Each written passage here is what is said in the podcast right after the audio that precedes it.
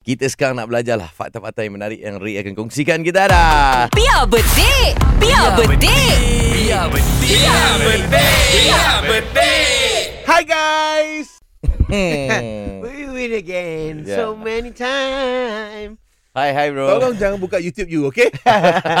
Hi guys, welcome back to my YouTube channel guys. Yeah, yeah, I tengah yeah. edit uh, untuk YouTube I. You edit I dah ada dah kat sini dah Dah buat dah You? uh, uh, Oh, buat uh, live lah ni. Buat live, buat Oh, oh, live. Uh, cerita pasal Ramadan lagi Tapi suasananya lain Bukan Oh. suasana oh. di Malaysia Bukan Okay. okay. Tapi suasana Oh betul, di Ramadan lain country lain dia punya celebration dia. Malaysia. Ni aku ambil pendekatan di negara Mesir ha, eh? Ambil pendekatan Pendekatan. dengan Bukan pendekatan Di negara Mesir sendiri Okey.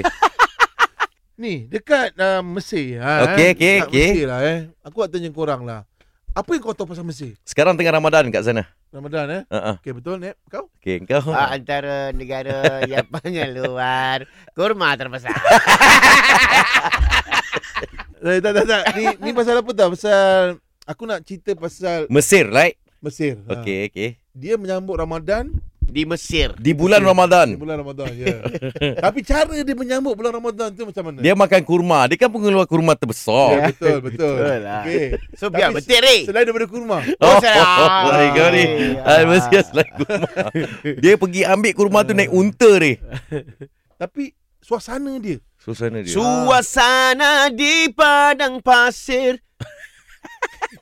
Aku ingat kau nak jadi guraya tadi. tak, takkan mana. Eh, Rauh boleh main lagu raya. Dia lagi tunggu habis, 11 eh. hari, lagi Ah, 11 ah. hari. Ha. Aku tak gajang dua orang ni. Aku cakap sikit sambung terus. Ya?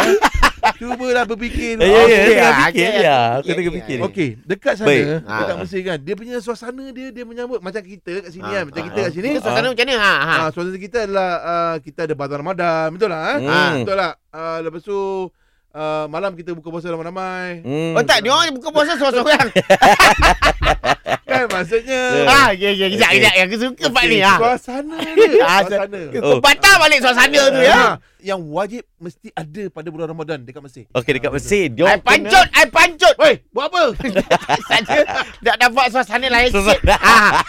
I pancut lah. Dia orang kena pasang lampu lip lap kat depan rumah.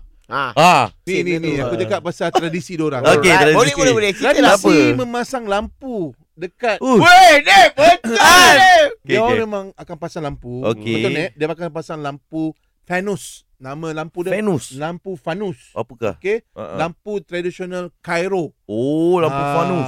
Hmm. Dia orang akan pasang kat rumah-rumah dia orang. Ha, ha. Kan? Dan juga tradisi pasang lampu ni Ha, ha. dia mula pada zaman dinasti uh, Fatimiyah. Tahu? Tak tahu. Ah, tak tahu. Okey, ni aku cerita lah. Ha. Fatim Fat, Fatimiyah. Okey. Mm-mm. Saat itu pemasangan lampu ditujukan untuk menyambut kedatangan pasukan raja Mesir Oh. yang akan berkunjung saat Ramadan. Wow. Ah, tapi inilah dia cerita. Okey, Oh, ya, okey, ya, ya. ah. Yang lampu tadi tu biar betik ni. Ah, ni betik. Oh, baik. Ah, ni betik.